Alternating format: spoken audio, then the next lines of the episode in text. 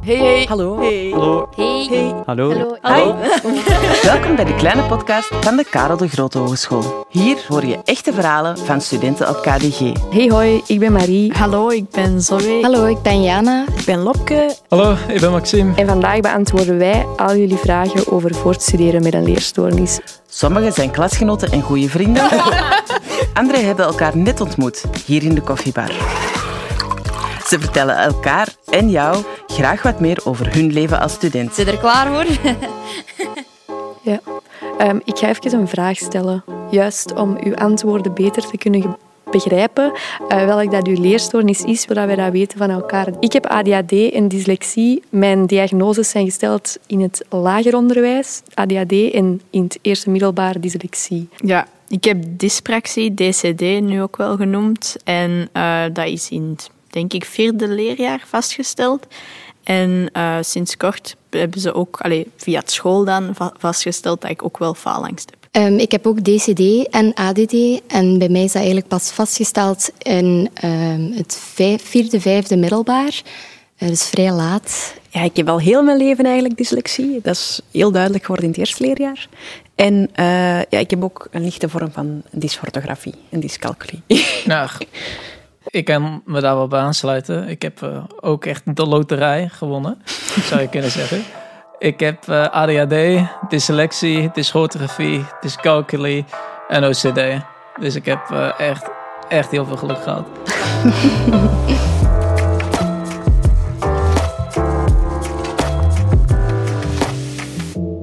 Zijn er vragen of zorgen dat dat met zich meebracht toen dat jullie jullie uh, opleiding aan het hoger onderwijs starten? Ja, toch wel. Ik vroeg mij zelf ook een beetje af of er uh, begeleiding zou zijn. Ik had wel al vernomen dat er modules waren en dat vond ik toch wel een pluspunt. Dat de leerstof een beetje meer gespreid werd in plaats van dat dat allemaal te samenkwam. Mm-hmm. Ja, als ik daar iets aan kan toevoegen. Uh, je, je hebt het over die periodes, daar ben ik het mee eens. Dat vond ik heel fijn. Maar bij mij, wanneer ik ja, zou spreken over hoe ervaar ik het nu met mijn leerstoornissen in het hoger onderwijs, dan zou ik het altijd vergelijken vanuit het middelbaar. En als ik heel eerlijk moet zijn, vond ik het middelbaar een stuk moeilijker dan het hoger onderwijs. En waarom is dat? In het middelbaar, en dan kom je ook weer op die periodes aan. In het middelbaar heb je iedere dag deadlines en het wordt steeds maar meer en meer. Hè? In het vierde, in het vijfde, in het zesde. Maar dan nu in het hoger onderwijs heb ik ja, de tijd, krijg je de deadline goed op voorhand. En heb je zeker genoeg tijd om, er, uh, om eraan te werken? Uh, ja, ik was heel nerveus om uh, leerkrachtopleiding te doen. Hè. Want ik dacht altijd, ja, daarvoor moet ik wel kunnen spellen, kunnen lezen. Dat, ik kan dat ook wel, maar eigenlijk heel moeizaam. En ik dacht, ja, dat gaat me niet lukken. Maar uiteindelijk met de hulp van het hoger onderwijs en mijn mama die nog altijd heel veel verbetert, lukt dat eigenlijk me toch nog wel. Maar ik heb natuurlijk geen vakken zoals taalvakken genomen of zo. Ja, ik, nu dat je over die taalvakken begint, dat was bij mij ook wel zo. Uh, met mijn dyslexie, mijn mama die leest ook nog heel veel na. Er zijn steeds minder fouten. Het zijn voornamelijk de DT-fouten die er nu nog worden uitgehaald.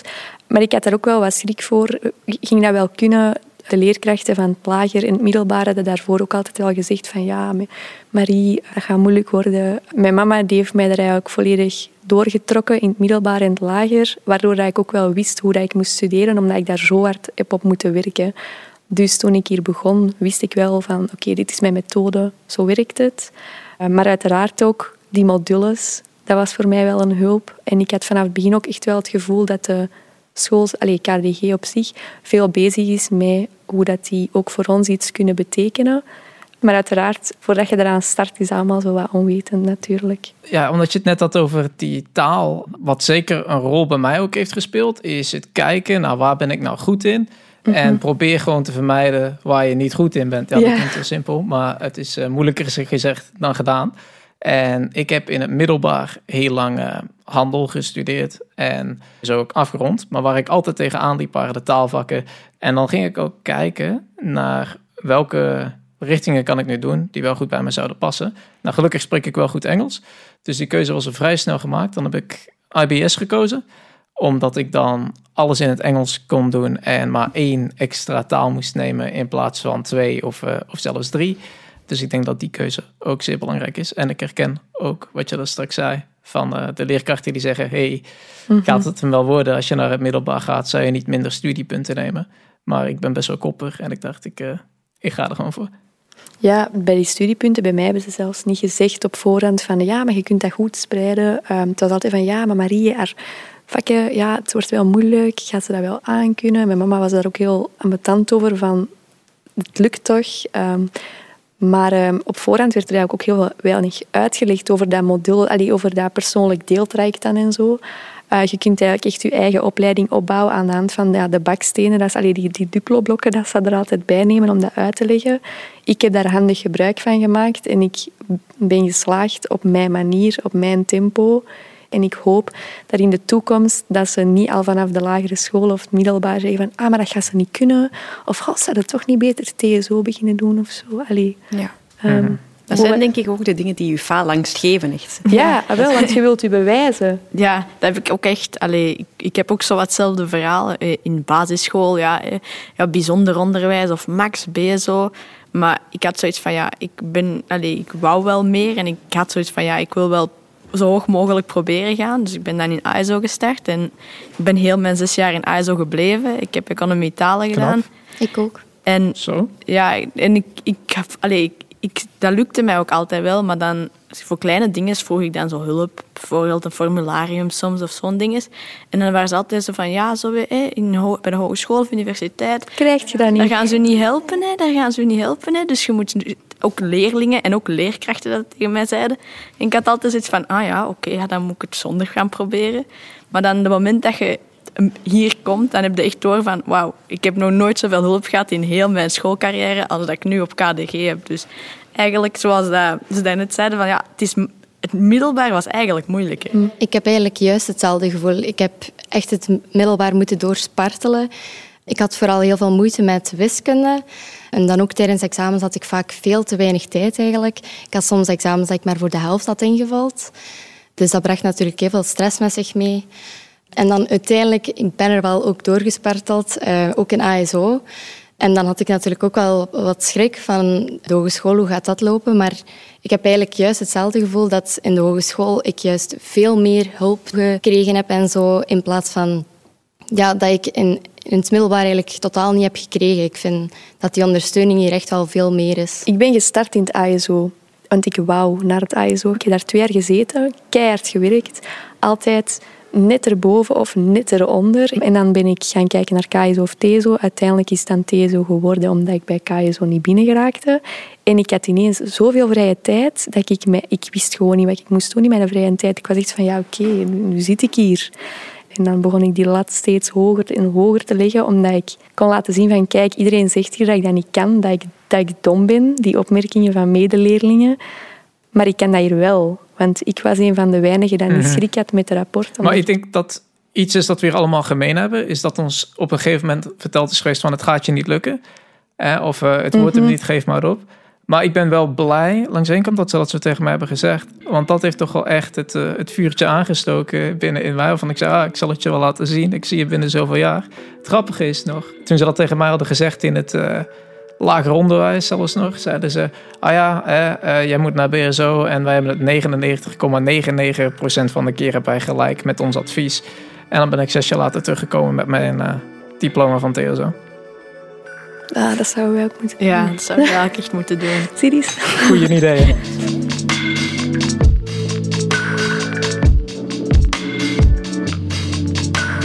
Ja, tijdens jullie zoektocht naar de juiste opleiding hebben jullie een antwoord gekregen op die vragen of die zorgen. Allee, Ja, ik wel, want ik ben toen naar een echte open deurdag mogen gaan. Daar heb ik wel met mensen gesproken en ook echt zo, want ja, uit angst van het middelbaar dan, van oei, ga ik dat dan wel aankunnen? Met mensen gesproken die dat mij wel hebben gerustgesteld van kijk, er is hier hulp, je moet gewoon je bijzonder statuut aanvragen. Als je dat bijzonder statuut hebt, dan gaan ze je helpen waar dat je hulp voor nodig hebt. En dat heeft mij echt zo wel het gegeven van, ah ja, oké, dus het is niet onmogelijk om te gaan studeren en het is niet onmogelijk om goed voor te gaan studeren. Dat je dat niet half en half moet doen. Je kunt het gewoon goed doen met hulp. Dus dat, ja, dat heeft mij echt enorm gerustgesteld. Mij heeft dat ook echt eh, heel gerustgesteld. Eh, ik ben ook naar een open deurdag gegaan. Daar hebben ze mij ook eh, hetzelfde eigenlijk uitgelegd. Ik heb ook gebruik gemaakt van uh, dan de optie dat je een zorgcoach kon hebben. En ik vond ook dat dat echt wel heel veel heeft geholpen. Gewoon ook om over alles te praten. Ik heb nogal de neiging om bij mijzelf de lat te hoog te leggen en mijzelf te veel druk te geven.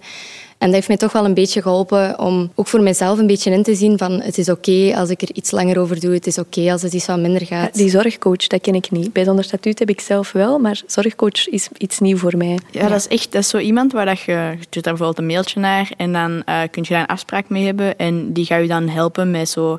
Bij mij persoonlijk, uh, wij hadden nu veel mondeling examens en on-the-spot vragen, maar dyspraxie dat is niet heel handig voor mij. Dus dan had zij ook naar mijn leerkrachten gestuurd van kijk, zij is zo'n beetje een tussen, ook een beetje, ik zie ze een beetje als tussenpersoon van als ik niet durf naar een leerkracht te gaan of zo, dan stuurt zij een mailtje van ja, zo heeft dyspraxie. Als ze niet direct op die vraag antwoordt, is niet omdat ze het niet weet, maar omdat ze er niet heel snel op kan komen. En zo helpt zij, maar ook gewoon met algemene dingen. Want ik vind dat dan kei leuk. Na mijn examens kreeg ik een mailtje aan van ja, ik heb uw punten gezien, gefeliciteerd met uw punten. Oh, ja, klopt. Ja, dus ook voor phalanx is dat dan zo'n beetje van... Dan is dat leuk om zo van iemand buiten uw familie, want die gaan u altijd geruststellen, om zo'n mailtje aan te krijgen van kijk, je hebt het toch wel goed gedaan. Dus. Is ook zo wat mental coach, maar dan zo echt vanuit school. Dus die, die weet ook hoe dat in elkaar zit. Ja. Ah. Je hebt ook het gevoel dat er echt ook iemand samen met u, um, allez, u echt helpt en dat je niet alleen uh, er altijd achter moet zitten en, en alles zelf moet doen. Dat had ik meer het gevoel in het middelbaar. Ik heb nu ook meer het gevoel dat ik echt ondersteund word en, en die, ja, die helpen mij daar al bij vinden. Ja, dat is echt een mhm. aanrader. Want ik kende het ook niet toen dat ik... Maar ik zag dan een optie en ik dacht van ja, waarom niet? Ik had alle opties aangeklikt. Ik dacht, we zullen zien wat ik ga gebruiken. Ja, voilà. Dat was ook echt wat ik dacht. En dan uiteindelijk ben ik, allee, ik ben super blij, want dat heeft mij zoveel geruststelling gebracht. En als je zo even... Want die eerste week dacht ik echt eens van, damn, misschien gaat het mij toch niet lukken. Omdat dat is de eerste week op de hogeschool. Allee, in mijn dingen is echt zo wat om te laten zien van, kijk, je zit op een hogeschool, het is niet middelbaar. En daarna wordt alles zo terug... Chiller. Chiller. En dus de eerste week zat ik daar echt zo van, oh nee, dit wordt hem niet. En dan daarna afspraak met haar gemaakt. En dat, dat, allee, dat heeft echt mij enorm geholpen.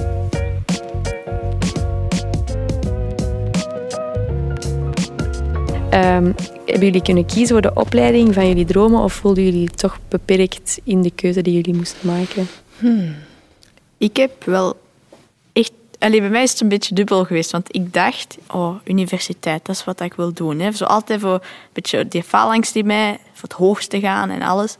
En dan heb ik toch, ik had enorm getwijfeld om SEW te gaan doen. Maar eigenlijk, als ik heel eerlijk ben met mezelf, vanaf het vijfde middelbaar was marketing hetgene wat ik wou doen. Maar daarna beginnen mensen zo kent dat wel van hoger naar u te praten van ja, ik ga naar de universiteit. En dan had ik altijd van ja, moet ik ook misschien eens gaan zien. En dan heb ik uiteindelijk toch gewoon bij mijn eerste keuze en waar dat mijn hart lag eigenlijk gekozen. En ja, ik had natuurlijk een beetje schrik. Ik had enorm veel schrik voor Excel bijvoorbeeld, uh, in de marketingrichting. En ja, de talen, ik heb wel economie taal gedaan, dus ik wist dat ik op zich daar nog wel goed in zat. Maar ik had, nog, ik had altijd schrik door dat ze tegen mij zeiden van ja, ze gaan u toch niet helpen en ze gaan toch geen rekening houden met je schrijfhoud en toch niet met dit. Ik heb toch gewoon geschat van ja, ik ga gewoon marketing doen. Ik ga daar niet te hard op letten op wat dat ze zeggen dat ik niet ga kunnen. En ja, ik ben echt super gelukkig in die richting dus. Ik had het in het begin eigenlijk heel moeilijk om een studiekeuze te vinden. Ik wist eigenlijk niet wat ik precies zou willen doen. Ik was in alles wel een beetje geïnteresseerd toen ik mijn keuze eigenlijk maakte, heb ik echt bijna alle richtingen afgedrukt en echt mijn fluostift liggen aanduiden van wat lijkt mij leuk, wat niet, echt in het groen en oranje en rood. En zo eigenlijk mijn opties uh, liggen uitzoeken. Ik was eigenlijk vrij zeker dat ik geen wiskunde meer wou hebben en zo. Dus um, ja, er is mij altijd wel gezegd geweest dat ik uh, heel mondig ben, dat ik heel goed kan praten, heel sociaal ben. En dat ik eerder advocaat of zo moest worden.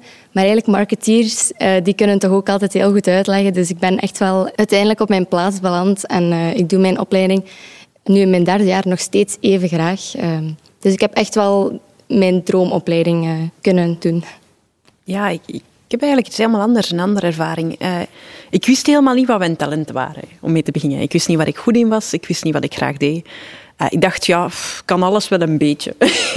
dat is natuurlijk niet voldoende voor een studiekeuze. Uh, maar ik deed STW en ik dacht, ja, ofwel verpleegkunde ofwel iets sociaal, zoals uh, orthopedagogie ben ik dan gaan doen. Gewoon, ik wist niet hoe, ik dacht, dat zal mij wel liggen. Maar dat wrong toch en ik miste zo wat wetenschap. Dus ik ben zo... Het enige wat ik echt wist, was dat ik eigenlijk binnen KDG wou blijven. Ik vond het een heel fijn klimaat.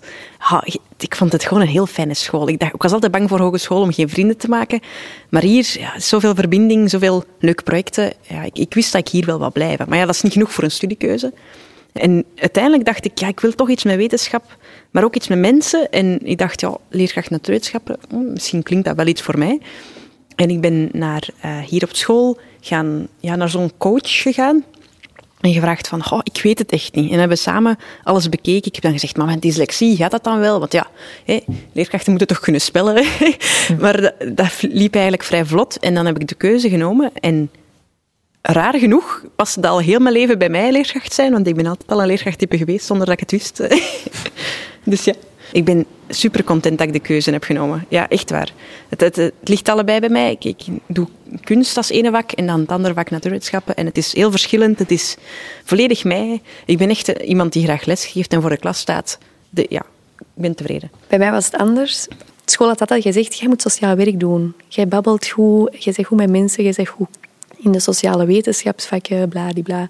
Ik had gezegd, ik wil echt niet in een OCMW werken. Ik keek waar dat echt niet. En dan ben ik uiteindelijk gaan beginnen kijken. En ik ben gaan selecteren. Oké, ja, wetenschapsvakken, chemie, fysica, dat ging wel, maar dat interesseerde mij niet zo. Ja, wiskunde ook niet, talen ook weg. En uiteindelijk kwam ik dus terecht op een lijstje met vakken. Sociologie, psychologie, filosofie, cultuursociologie, allerlei vakken die mij aanspreken. En dat bleek dan een afstudeerrichting te zijn van sociaal werk. dus, dus ik heb eigenlijk mijn opleiding de eerste keer gekozen op basis van het vakkenpakket, omdat ik zo hard niet wist wat ik wou doen. Ik heb dat afgemaakt in vier jaar tijd in plaats van in drie jaar tijd. En ik heb die opleiding super graag gedaan. Maar daarna voelde ik van, toch niet mijn dada. Dus ben ik opnieuw beginnen studeren opnieuw sociaal werk, maatschappelijk werk, de afstudeerrichting om naar het OCMW te gaan. Uh, niet met de wens naar het OCMW te gaan, maar om bij de politie uh, in de sociale dienst te werken. Dus ik heb ook wel zo'n parcours afgelegd en ik heb wel gemerkt dat zelfs als je het in het begin niet weet, ondanks dat er wordt gezegd, ja, dat is een heel belangrijke keuze, je kunt echt nog schuiven, zelfs met een leerstoornis is dat, is dat mogelijk.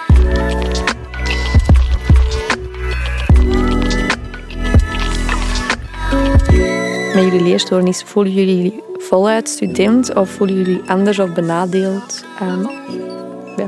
Oh god, ja. Nou, ik, uh, ik heb denk ik geluk met mijn uh, persoonlijkheid. Ik ben best wel introvert. Uh, ik kan in mijn kamer zitten, heel lang niemand zien en geen problemen hebben daarmee. En daarom kan ik me ook vol focussen op mijn, mijn studie. Maar ik kan me voorstellen dat als je een heel erg extravert persoon bent en nood hebt aan iedere dag of uh, iedere week minstens één keer uit te gaan, te gaan feesten, dan één avond weer met je vrienden te zitten. Uh, als ik zo was geweest, dan had ik wel gevoeld dat ik anders was of niet helemaal mee kon, weet je wel. Dus ja, ik, ik, ik heb dat niet echt echt niet echt gehad. Ik heb het er wel moeilijker mee gehad. Ik denk ook uh, omdat het te maken had met dat mijn diagnose veel later is gesteld geweest.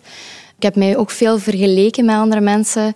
En ja, dat was toch wel heel confronterend voor mij, dat, uh, dat ik er veel langer over deed dan andere mensen. En dat ik veel meer met school bezig was, ook iets minder vrije tijd had. Um, ook vanaf dat ik eh, naar het hoger ben gegaan, ben ik ook gestopt met de Giro. Ik heb daar ook twaalf jaar in gezeten. En ik heb, ja, ik heb echt wel die knoop moeten doorhakken, omdat ik echt wel wist, als ik dat er nog bij pak, ga ik het mijzelf nog moeilijker maken. Maar ik vind nu wel dat ik wel voluit student ben. Ik, ik heb wel nog steeds een beetje het gevoel van, ja, ik moet er wel meer voor doen. Ik steek er veel meer tijd in dan anderen. Als ik dan bij de examens hoor van, ah, die zijn al klaar met studeren vandaag. En ik weet dan van, oei, ik zit waarschijnlijk nog tot vier, vijf uur s'nachts bezig, als het niet later soms is. Dat is wel heel, ja, nog steeds heel confronterend. Maar ik vind ook, ja, ik, er zijn ook momenten dat ik dan voor de lockdown met mijn vrienden kon uitgaan en eens op café kon gaan of zo. Ik heb ook wel het geluk dat onze vriendengroep ook niet meerdere dagen in de week uitging. Dus dat was ook wel een voordeel voor mij dat ik minder die pressure had. Dus daar heb ik wel geluk mee. Maar ja, ik voel mij wel voluit student. Wat, wat, wat ik nog wilde toevoegen is, als je nog wel iedere week zou willen kunnen uitgaan en op kot en dergelijke. Dat, dat kan natuurlijk wel, maar dan zou ik zeggen als je dat wil doen en je, je hebt het gevoel dat het niet, niet zou lukken, um, dan kan je altijd je studiepunten nog spreiden. Dan doe je mhm. er iets langer over, maar uiteindelijk gaat het erom of jij je doel behaalt En iedereen bewandelt zijn eigen pad ook. Dus je hoeft, Ja. ga, je niet vergelijken met de anderen. Dat heeft, heeft geen zin. Nee, dat klopt. Ik heb in het eerste jaar eigenlijk echt op het punt gestaan om dat te, te gaan doen. Omdat de druk mij eigenlijk veel te veel werd. Ehm, ja, ik, ik sliep soms bij mijn examens maar een half uur, omdat ik tot zo laat zat te studeren. Dan een half uur slapen, opstaan, examen maken. Oeh, pijnlijk. Ja, mijn punten waren uiteindelijk wel altijd... Ik was er altijd door. Maar voor mezelf mentaal, ik voelde ja, dat het echt niet goed zat. Ik heb uiteindelijk toch niet die stap gemaakt. Maar ik heb wel echt heel veel opzoekwerk en ik heb ook eh, daarover bespro- eh, gesproken en zo. En ook gewoon het feit dat ik daar dan meer over wist en dat ik wist dat die kans bestaat. Ik dacht, als het binnen een paar maanden nog niet betert, dan had ik wel de geruststelling dat ik die stap wel kon maken en het wat meer kon spreiden en de druk wat kon verlagen. Dat jij daar zegt. Mensen zeggen ook altijd, dat is zo'n heel goed onderscheid dat ik mezelf ook heb aan, allee, ja, bewust van ben geworden. Ehm, er zijn mensen die zeggen, ja, maar je hebt toch altijd keigoede punten en je hebt geen herexamens. Ja, maar het werk dat erin oh bladibla. my maar er is een heel groot verschil tussen een gezonde student Ja. en een goede student. En ik denk, als ik zo hoor, zijn wij eerder goede studenten, maar niet direct Niet gezonde gezond. studenten. Ja, nee, ja. ja. En Ja, je moet eigenlijk eens, kijken dat je daar een evenwicht tussen vindt. Want wat zei je met een 16 als je eigenlijk heel de tijd helemaal over je- je doen bent, niet kunt ontspannen, niet kunt genieten van sociaal contact, omdat je eigenlijk volledig overprikkeld bent? Ja, klopt. wat heb je daar dan aan? Dus je moet echt dat evenwicht vinden tussen gezonde student en goede Ja, student. het, is wel, het is wel verbeterd naar eh, de laatste jaren op. Ik heb toch voor mezelf ook een beetje ingezien dat dat niet gezond was. En ook ik merkte het mentaal dat, dat ik constant onder stress zat. En, en ja, dat is natuurlijk niet gezond. Dus het is wel naarmate de jaren echt wel verbeterd en ook minder lang geworden, nu ook met de laatste examenperiodes. Ik zie de maatregelen en de hulpmiddelen die we echt wel krijgen op KDG, dat, is echt wel, dat heeft mij al veel geholpen, zie ik echt gewoon als het extra zetje om mij op dezelfde lijn te zetten als de andere studenten. Mag ik daar nog kort iets over zeggen? Ik ga het kort houden hoor. Ik heb veel minder impact van mijn leerstoornis als, als jullie, merk ik. Maar ik heb ook inderdaad de keuze genomen om een jaar op te splitsen en het over vier te doen, mijn eh, bachelor. En ik voel me echt wel volwaardige student. Het eerste jaar heb ik heel veel uit geweest. Dat heeft wel effect gehad op mijn punten. Toch wel redelijk. Eh, maar dat heb ik dan ook gekozen om, om veel minder eh, uit te gaan. Veel, veel minder uit te gaan. Zo, zo één keer, twee keer in het jaar. dat is een heel groot verschil. Maar ik doe nog wel heel veel extra curriculum dingen. Zo bijvoorbeeld, eh, ben nu gebarentaal in avondschool gaan doen. Ik ben een voorzitter in de studentenopleidingsraad van secundair onderwijs. En zo wat studentenraden doorheen KDG. Eh, Ik doe graag zo van die veel extra dingen. En ik, ik merk, als ik dat dan opsplits, nu in de hogeschool is dat haalbaar. In het middelbaar was dat niet haalbaar, want dan kun je niet zeggen van, goh, dit jaar is me zwaar. Ik ga nu gewoon eens een keer terugschroeven om mijn sociaal leven. Eh, dan moest dat effectief wel. Want nu kun je zeggen van, oh, dit vak, oh, dat is wel een, een, een zware vak. Ik heb dat ook gedaan, ik heb het dan gewoon uitgeschreven. Ik dacht, ik ga mij focussen op de rest. En dan kan ik nog mijn leven leiden. En je moet ook gewoon genieten een beetje van je leven. Want uiteindelijk, goh, het is je leven en alleen maar studeren, dat is, dat is nodig. Maar je moet ook wel een beetje kunnen genieten van je leven, vind ik. Zeker en Ja, vast. ja. Helemaal mee eens. Dus de clue is, ga studeren. Hè. Ja. Ja. Ga studeren, maar niet te hard. Geef jezelf nog vrije tijd. Ja.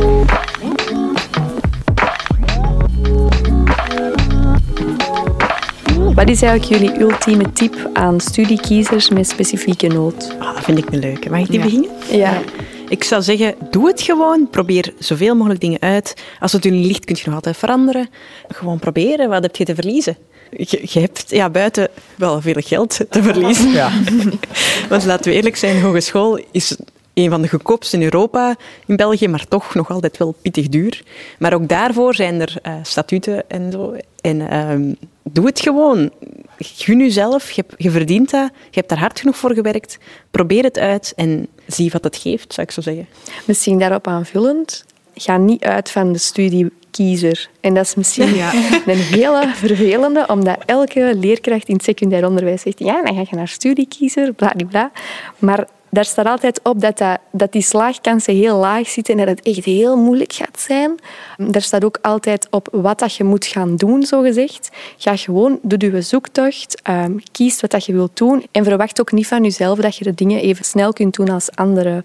Want als je van jezelf op voorhand weet, je hebt daar de tijd voor, legt je die druk veel minder snel op en is het ook oké om dat over vier jaar te doen? Uh, ja, ik wil daar ook nog aan toevoegen dat je zeker voor jezelf uh, mocht opkomen. Als je vragen hebt of zo, durf zeker met iemand daarover te praten, een mailtje te sturen. Ja, geloof in jezelf en af en toe mocht je zeker en vast je lat een beetje lager leggen, jezelf wat meer ontspanning geven. Traag of snel, je komt er wel hoor. Ja, en ik wou eigenlijk ook nog zeggen, als je hier nu al naar aan het luisteren bent, denk ik dat je al goed bezig bent. Want dat betekent dat je al interesse toont in, wat, in iets te gaan doen en dat je al opzoekwerk doet. En ik heb ontdekt dat de mensen die dat opzoekwerk doen en die dat wel graag weten hoe dat alles in elkaar zit, dan komt er wel. Die stoornis dat je hebt, dat gaat je niet blokkeren als je zelf nieuwsgierig bent. Dus ik denk dat als je al naar aan het luisteren bent, dat je je eigenlijk weinig zorgen moet maken.